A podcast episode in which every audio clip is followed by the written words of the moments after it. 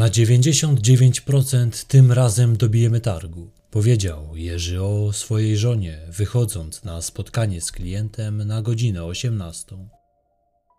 Wieczorem, około godziny 21, 22 lutego 2013 roku, kobieta z mężczyzną wchodzą do domu na osiedlu Sadyba przy ulicy Fucika 33 w Warszawie. Na wcześniejsze dzwonienie domofonu nikt nie odpowiadał, dlatego postanowiła wejść do środka sama. Joanna przyszła tam na prośbę swojej matki. Kobieta wysłała tam Asię, ponieważ była zaniepokojona, gdyż otrzymała od swojego męża Jerzego głuchy telefon. Od tego czasu już sam się nie odzywał, a powinien wrócić do domu już dawno temu. Oddzwaniała do niego jednak bezskutecznie. Jerzy to 70-letni emerytowany lekarz internista. Joanna była jego pasierbicą. On sam nie miał dzieci. Okazało się, że drzwi nie były zamknięte. Nacisnęła na klamkę. Gdy weszła do domu, wydawało się, że nikogo w nim nie zastała. Wołała Jerzego po imieniu, bo tak się do siebie zwracali. Nikt nie odpowiadał. Zaniepokojona zaistniałą sytuacją, udała się do sąsiada. Poprosiła go, by poszedł z nią razem przeszukać dom. Wydawało się, że nikogo nie ma w środku. Joanna zeszła jednak do piwnicy. Tam zobaczyła leżącego na ziemi ojczyma. Sądziła, że zasłabł i spadł ze schodów. Gdy jednak podeszła bliżej, zauważyła, że na podłodze była krew. Sam Jerzy również był zakrwawiony. Mężczyzna już nie żył.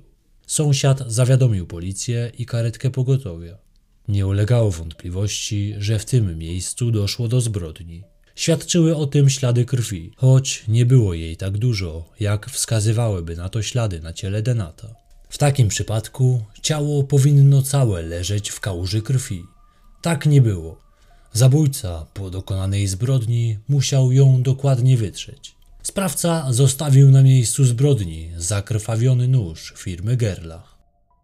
Początkowo wyglądało na to, że to przy jego pomocy dokonano zabójstwa. Późniejsze badania wykazały, że obrażenia zostały zadane innym nożem. Zatem narzędzia zbrodni nie było. Udało się zabezpieczyć ślady DNA, które mogły należeć do sprawcy. Jednak po wprowadzeniu go do bazy danych policji okazało się, że nie figuruje w niej osoba z pasującym kodem DNA. Przeprowadzona została sekcja zwłok mężczyzny. Przyczyną śmierci były rany kłute klatki piersiowej, a także jamy brzusznej. Najprawdopodobniej zadano je przy użyciu noża. Sprawca zadał kilkanaście ciosów.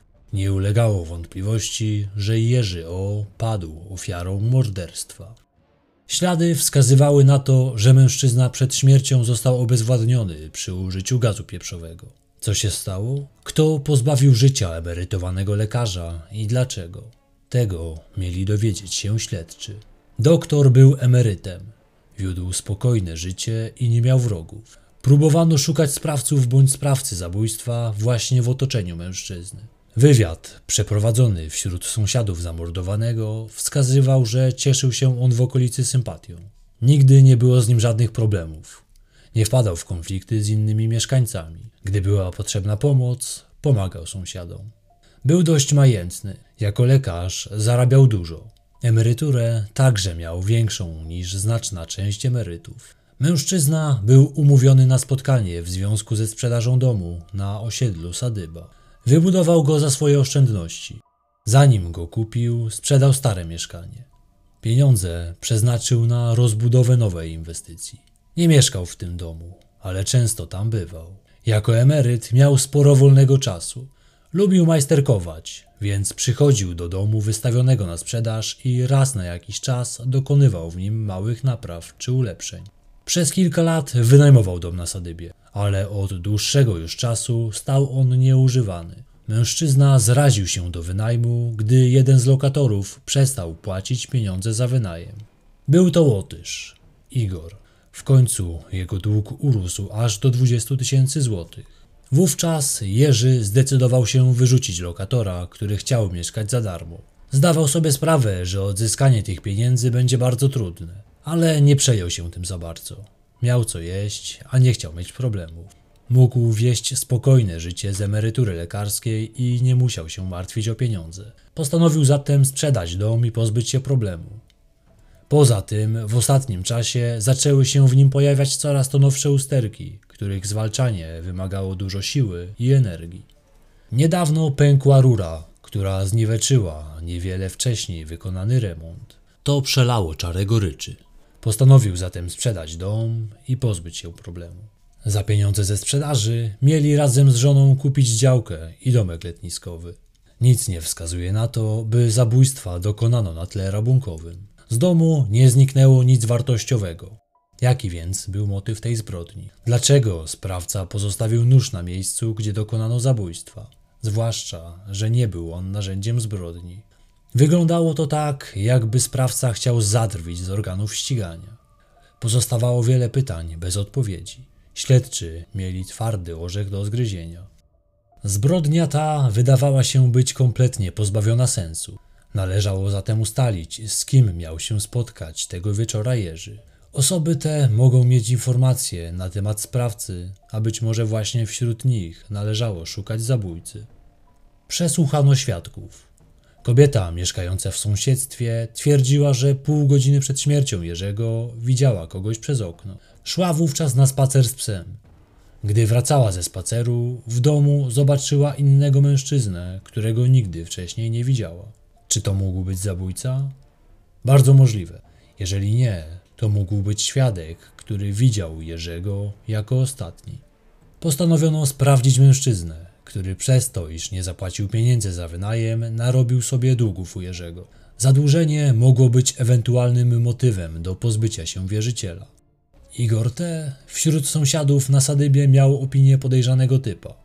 Całymi dniami siedział w domu, a wychodził z niego dopiero późnym wieczorem, gdy ktoś pod niego przyjeżdżał. Policja sprawdziła tego mężczyznę. Okazało się, że miał on już wcześniej na pięku sprawę. Toczyły się procesy przeciw niemu. Jednak nie udało się go powiązać z zabójstwem emerytowanego lekarza. Czy fakt, że wychodził z domu tylko na noc był podejrzany? Może tak, a może po prostu pracował na nocną zmianę. Niemniej trzeba było szukać dalej. Śledczy mieli do dyspozycji telefon zmarłego. Dzięki niemu udało się ustalić numer, z jakiego dzwonił niedoszły nabywca nieruchomości. Okazało się, że telefon kupca jest nieaktywny. Obecna technologia pozwala policji na śledzenie na bieżąco aktywności danego numeru. Dwa dni po zabójstwie telefon uaktywnił się na jakiś czas. Było to dosłownie kilka minut. Podobna sytuacja miała miejsce cztery dni później. Wówczas telefon został włączony. Wykonano z niego połączenie, a następnie znów został wyłączony. Później już milczał. Udało się zarejestrować głos. Telefon wykonywał dorosły mężczyzna. Dzwonił do kogoś w sprawie zakupu domu. To właśnie dzięki tej osobie udało się uzyskać to nagranie. Mężczyzna miał taki zwyczaj, że nagrywał wszystkie rozmowy i właśnie w taki sposób nagrał domniemanego zabójcę. Kim był klient, który chciał kupić dom? Z opisu jest to mężczyzna po pięćdziesiątce. Sprawiał wrażenie bardzo rzeczowego człowieka. Powiedział, że jest Polakiem, który od lat mieszkał w Stanach Zjednoczonych. Tam miał dorobić się fortuny właśnie na handlu nieruchomościami. Prócz tego z powodzeniem grywał na giełdzie. Chciał teraz, jak to ujął, ulokować pieniądze właśnie w Polsce. Dlatego właśnie był zainteresowany zakupem domu na warszawskim osiedlu Sadyba. W trakcie rozmów wykazywał się dobrymi manierami. Uwagę zwracał jego nienaganny strój, a także dość intensywny zapach perfum, który unosił się wokół niego. Po obejrzeniu domu grzecznie podziękował za poświęcony czas i powiedział, że zastanowi się jeszcze i jeszcze, jak to ujął, ewentualnie będzie niepokoił. Niedługo później się odezwał. Powiedział, że jest zainteresowany kupnem domu. Dnia 22 lutego miał pojawić się na miejscu razem z dekoratorką, która miała urządzić wnętrze. Czy się pojawili? To miało ustalić śledztwo. To jednak nie było wcale takie łatwe. Mężczyzna dzwonił z różnych telefonów. Numery, z których się kontaktował, pozostawały nieuchwytne. Śledztwo stało w miejscu.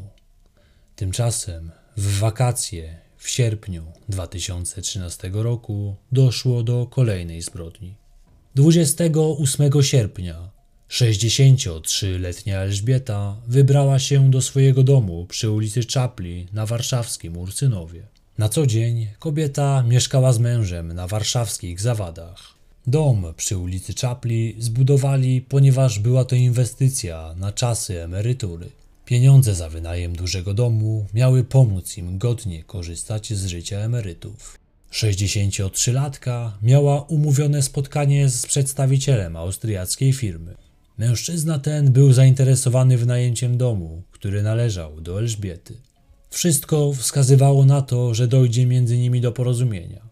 Tego dnia chciał on jeszcze sprawdzić, czy do piwnicy w budynku wejdzie jego duży stół. Znajomi ostrzegali Elżbietę, by nie chodziła sama pokazywać domu obcemu mężczyźnie. Nigdy nie wiadomo, kim jest potencjalny klient i jakie faktycznie ma zamiary. Ona te przestrogi jednak zignorowała. Mężczyzna, z którym rozmawiała, był szarmanckim dżentelmenem i nie przypuszczała, by mógł mieć on niecne intencje.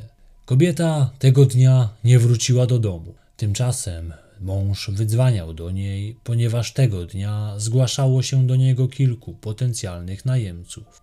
Ona jednak nie odbierała telefonu. Ich relacja była dość luźna. Mimo iż mieszkali razem, to często spędzali czas osobno i nie kontrolowali, kto gdzie jest w danym momencie. Zatem brak odpowiedzi nie był niczym specjalnie zaskakującym i nie zdziwiło go, że Elżbieta nie wróciła do domu na noc. Dlatego też partner nie zestresował się tym faktem. Dopiero dwa dni później, czyli 30 sierpnia, gdy nadal nie było z Elżbietą żadnego kontaktu, postanowił udać się do domu na Imielin, gdzie ostatni raz ją widział. Na miejscu pojawił się około godziny 18. Wówczas w domu przy ulicy Czapli dokonał makabrycznego znaleziska. Tam, w przedpokoju, leżały zwłoki 63-letniej kobiety. Mężczyzna zaczął dzwonić do bliskich i informować ich o tym, że Elżbieta nie żyje. Zadzwonił do ich wspólnej córki. Powiedział jej krótko: Przyjeżdżaj. Dramat. Ta wówczas zapytała, czy mama nie żyje. Od jakiegoś czasu kobieta miała myśli samobójcze, jednak to z całą pewnością nie było samobójstwo. Jej ręce i nogi były owinięte taśmą klejącą. Na szyi kobiety były ślady po duszeniu. Na całym ciele było wiele ran kłutych. Prócz tego miała też wybite zęby. Sprawca, prócz noża, posłużyć miał się także narzędziem tempokrawędzistym. Wszędzie było mnóstwo krwi. Kobieta zdecydowanie została zamordowana. Wygląda na to, że przed zabójstwem sprawca obezwładnił ją używając gazu pieprzowego. Koło ciała leżał nóż firmy Gerlach. Wydawało się, że to przy jego użyciu pozbawiono życia kobietę. Z domu nie zniknęły żadne wartościowe rzeczy. W portfelu ofiary nadal było 700 zł. Zniknęła z niego jednak karta bankomatowa.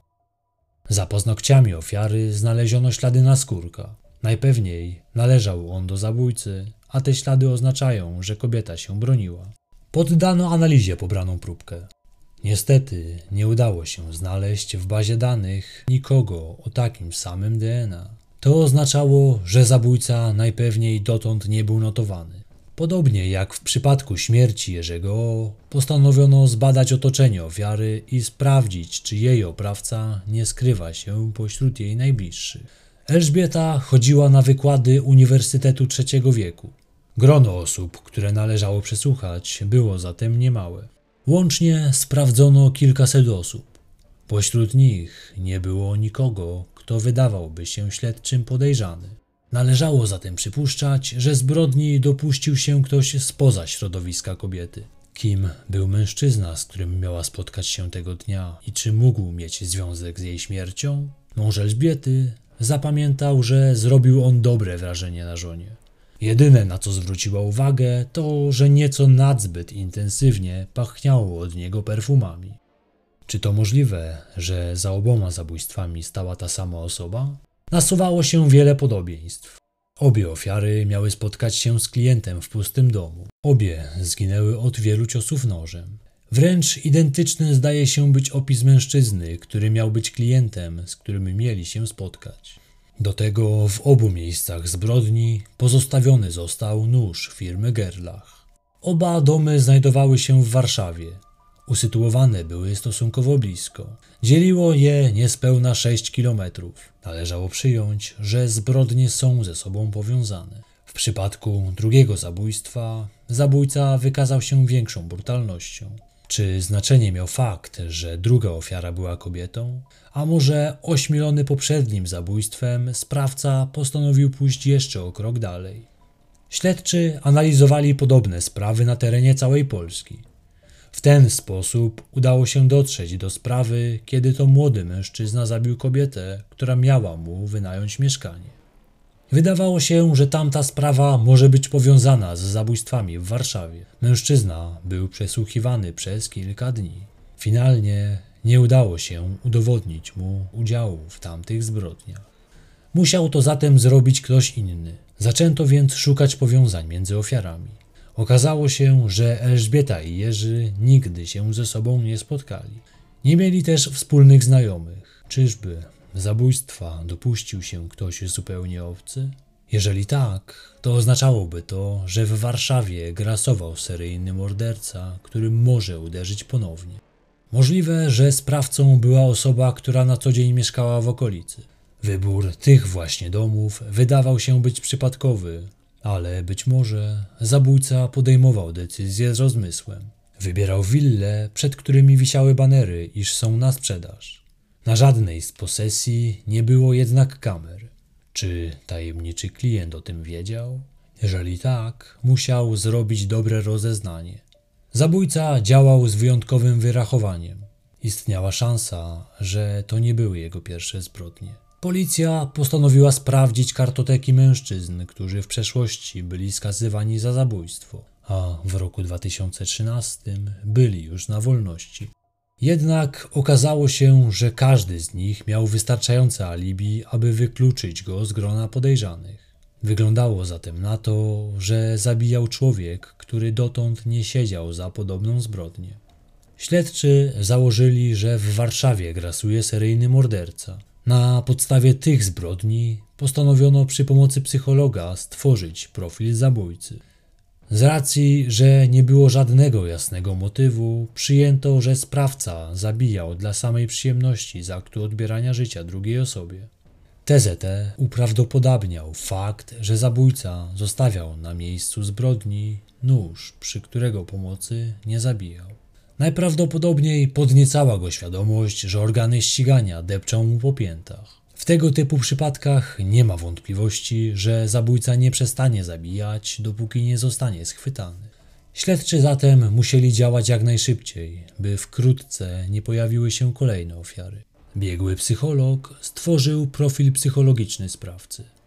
Według niego zabójca prezentuje dużą zdolność interpersonalną. Może mieć między 35 a 45 lat. Jest emocjonalnie związany z dzielnicami Mokotów i Ursynów.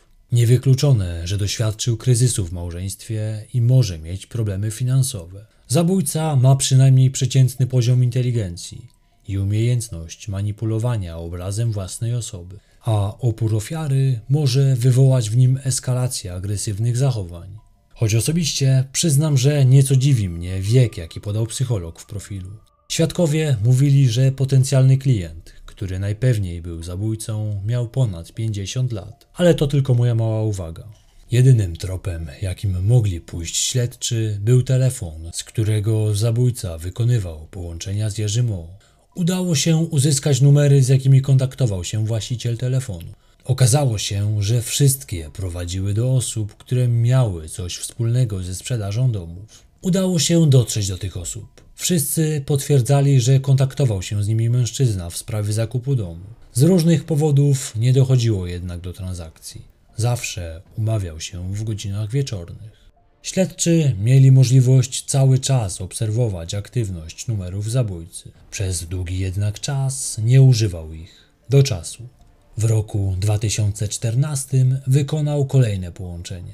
Tym razem śledczy mogli zarejestrować głos mężczyzny i ustalić, z kim rozmawiał na bieżąco.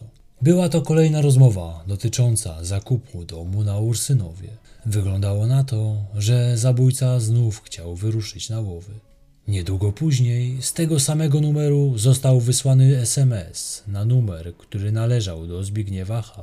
Kilka dni później znów na chwilę ten numer się uaktywnił i wysłał kolejną wiadomość tekstową. Tym razem do numeru zarejestrowanego na Monikę B.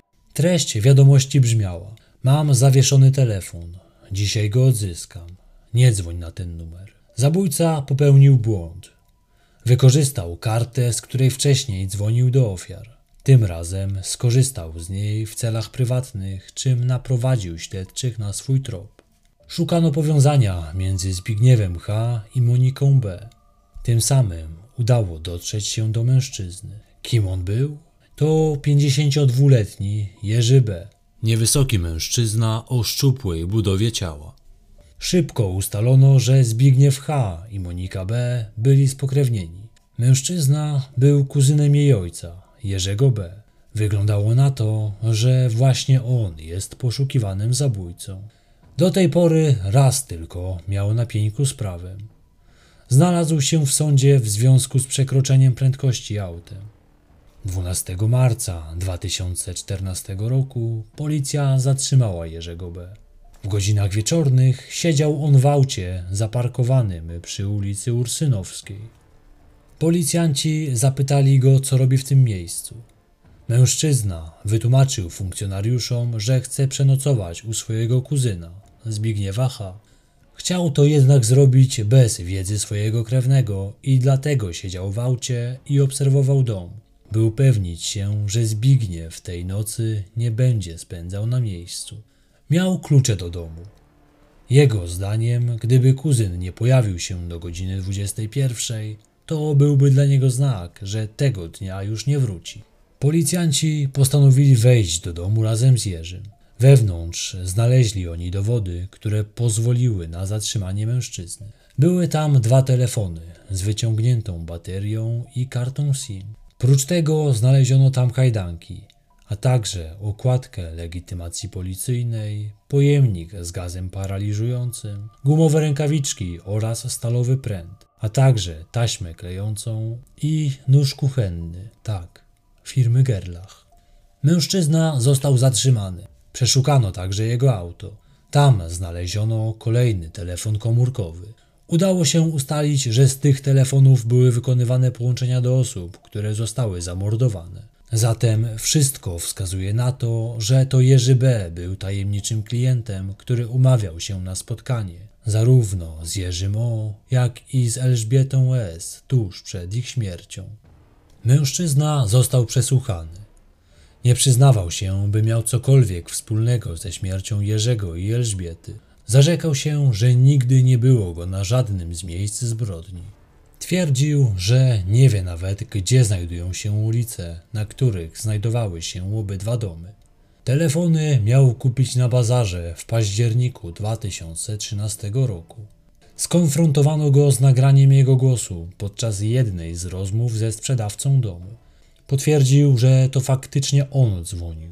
Tak naprawdę nie chciał kupować domu. Po prostu zobaczył tabliczkę, że dom jest na sprzedaż i dzwonił z ciekawości, by dowiedzieć się, ile kosztuje taka willa. Jego samego nie było stać na taki zakup. Miał on spory dług zaciągnięty u swojego kuzyna. Miał on opiewać na 400 tysięcy złotych. Kim jest Jerzy B? Teraz przybliżę wam nieco jego sylwetkę. Jakiś czas pracował on jako przedstawiciel handlowy w firmie swojego kuzyna. Później prowadził sklep z materiałami biurowymi. Jednak zyski z tego interesu były zbyt małe, by opłacało się kontynuować tę działalność. Dlatego też skończył z tym biznesem. Od dłuższego już czasu nie potrafił znaleźć pracy. Liczył, że uda mu się zarobić na giełdzie maklerskiej. Przeszedł dwudniowy kurs i liczył, że szczęście się do niego uśmiechnie. Było wręcz przeciwnie. Zaczął grać na rynku walut. Pech chciał, że właśnie wtedy nastąpił wielki kryzys. Stracił wszystkie pieniądze. Potem pożyczał, licząc, że uda mu się odbić. Nie udawało się. Długi rosły a on musiał sprzedać mieszkanie, by je spłacić. Od tego czasu mieszkał ze swoją matką. Często nocował u znajomych i dalekich krewnych. Jakim człowiekiem jest Jerzy B. i czy faktycznie byłby zdolny do zabójstw, o które jest podejrzany? Wśród znajomych miał opinię mitomana. Wymyślał niestworzone historie, gdy przychodził po pożyczki do kolejnych osób. Jednemu ze znajomych powiedział, że buduje na Mazurach duży kompleks budynków za środki z Unii Europejskiej. Potrzebował tylko gotówki na start. Tym samym pożyczył od kolegi 140 tysięcy złotych. Nigdy tych pieniędzy nie zwrócił. Najbliżsi Jerzego uważali, że jest on dobrym człowiekiem. Gdy jego córka urodziła dziecko, zajmował się nim całymi dniami i nocami, byleby córka mogła kontynuować edukację na studiach. Kuzyn Zbigniew, pod którego domem został zatrzymany Jerzy, również pożyczył mu znaczną sumę pieniędzy. Miało to być 330 tysięcy złotych. Wcześniej w rozmowie z policją Jerzy nieco zawyżył tę kwotę. Zbigniew pracował jako psycholog. Dostrzegał on u swojego kuzyna głęboko zakorzenione kompleksy. Jego zdaniem Jerzy skrywa pretensje do świata o los, jaki go spotkał. Sam siebie uważa za osobę inteligentną, a mimo tego nie układało mu się dobrze w życiu. Przez złośliwość losu nie udało mu się ukończyć studiów na poziomie magisterskim. Miał jednak wykształcenie wyższe. Ukończył licencjat z ekonomii. Jego biznesy, choć dobrze przemyślane, nie przynosiły zysków. Jakiś czas szło mu całkiem nieźle, ale wszystko popsuł światowy kryzys finansowy w 2008 roku. W małżeństwie też się nie dogadywał i rozeszli się ze swoją żoną wiele lat temu choć rozwód nastąpił dopiero cztery lata przed zatrzymaniem go. Żył w przeświadczeniu o niesprawiedliwości losu. Urodził się w biednej rodzinie. Do tego jego ojciec był uzależniony od hazardu, a długi później przeszły na niego. Uważał, że inni mieli więcej, choć wcale na to nie zasługiwali. Gardził zwłaszcza tymi, którzy byli od niego bogatsi. To przecież jemu należały się te pieniądze. Rodzina Jerzego była w szoku, gdy został on zatrzymany w związku z podejrzeniem o dokonanie dwóch zabójstw. Jak dotąd nigdy nie przejawiał on agresji. Po zatrzymaniu Jerzego czekała go konfrontacja z psychologiem, który miał określić, jakim człowiekiem jest zatrzymany mężczyzna. Ten jednak nie ułatwiał mu tego zadania. Na pierwszym spotkaniu symulował, że stracił głos i że nie może rozmawiać. Rozmowy nie udało się przeprowadzić w warunkach aresztu. Zdecydowano się skierować Jerzego B. do szpitala psychiatrycznego. Tam stał się bardziej rozmowny. Przedstawiał siebie w bardzo jasnym świetle. Uważał, że jest osobą, która podejmuje rozważne decyzje. Nigdy nie postępuje pochopnie. Użył stwierdzenia: U mnie panika trwa 15 sekund. Ja nie włożę ręki do ognia, tylko szukam patyka. Z obserwacji psychiatrycznej ukształtował się taki rys psychologiczny Jerzego B. Jest on osobą o wysokiej inteligencji, przejawia tendencje narcystyczne, ma zewnętrzne umiejscowienie kontroli, co znaczy, że obarcza świat za swoje niepowodzenia życiowe. Wykazuje skłonności do manipulowania ludźmi w swoim otoczeniu. Ma stałą potrzebę stymulacji napięcia emocjonalnego przejawia skłonności sadystyczne. Żeby rozładować swoje frustracje i przeżyć wzrost adrenaliny, może świadomie jako kierowca spowodować zagrożenie na jezdni. Potrafi kontrolować swoją wrogość. Jerzy nie zgodził się na przeprowadzenie badania na porównanie głosu. Nie zdecydował się zeznawać po podłączeniu do wykrywacza kłamstw. Rozpoczął się proces w sprawie zabójstwa dwóch osób. Jerzy nie przyznawał się do zarzutów. Powiedział: Nie jestem mordercą. Nie wiem, dlaczego się tutaj znalazłem. To wynik szeregu pomyłek i błędów, które mam nadzieję, że w trakcie procesu sądowego się wyjaśnią. W trakcie rozprawy oskarżony siedział spokojnie i dokładnie przysłuchiwał się wydarzeniom na sali rozpraw. Nie reagował na kolejne ustalenia biegłych ani na zeznania świadków. Do samego końca zachowywał stoicki spokój. Był to proces poszlakowy. Nie było stuprocentowych dowodów na winę Jerzego. Na ubraniach ofiar znaleziono DNA należące do niego, ale mógł je zostawić podczas wcześniejszych spotkań. Ofiary były obezwładniane przy użyciu gazu pieprzowego. Znaleziono taki w domu oskarżonego. Również na jednym z jego swetrów znaleziono ślady takiego gazu, ale to również nie był stuprocentowy dowód. Adwokat wnosił o utajnienie procesu. Sąd zdecydował się, że zrobi to tylko po części. Utajnił tylko zeznania świadków, którzy byli spokrewnieni z ofiarami. Pozostałe aspekty rozprawy pozostały jawne. W trakcie trwania rozprawy wyszły na jaw szokujące fakty na temat obu zabójstw. Jak chociażby to, że mężczyzna pastwił się nad Elżbietą, by wymusić na niej podanie kodu do karty bankomatowej. Później wypłacił z jej konta pieniądze. Co ciekawe, nie zabrał 700 zł, które kobieta miała przy sobie. Jednym ze świadków w sprawie była kobieta mieszkająca w sąsiedztwie domu, który sprzedawał Jerzy O. Zeznawała ona, że widziała nieznanego mężczyznę w domu należącym do Jerzego. Miało to być w czasie, gdy doszło do zabójstwa. Jednak w trakcie rozprawy nie była w stanie powiedzieć, czy na pewno był to oskarżony. Obrona potraktowała to jako wątpliwy dowód. Oskarżony dzwonił na telefon Jerzego tuż po jego śmierci. Dla obrony był to znak, że nie wiedział on, iż mężczyzna został zamordowany. Zatem, zdaniem obrony, zabójcą musiał być ktoś inny. Sąd jednak nie dał wiary tym tłumaczeniom. Zapadł wyrok dożywotnie pozbawienie wolności. Prócz tego Jerzy B. został zobowiązany do zapłaty zadośćuczynienia rodzinom swoich ofiar. Ma on również pokryć koszty procesowe. Łącznie został zobowiązany do zapłaty 192 tysięcy złotych. Tak naprawdę to tylko dodatkowe cyfry w i tak już ogromnym długu, jaki mężczyzna miał do spłacenia. Spłacić go prawdopodobnie przyjdzie jego bliski. Nie uwzględniono apelacji, a kasacja wyroku została oddalona. Tym samym wyrok się uprawomocnił. Eksperci nie mają wątpliwości, że Jerzy B. zabijałby dalej, gdyby nie został w porę zatrzymany. Tuż przed tym, gdy policja do niego dotarła, znów planował zaatakować. Na szczęście śledczy w tej sprawie wykonali kawał dobrej roboty.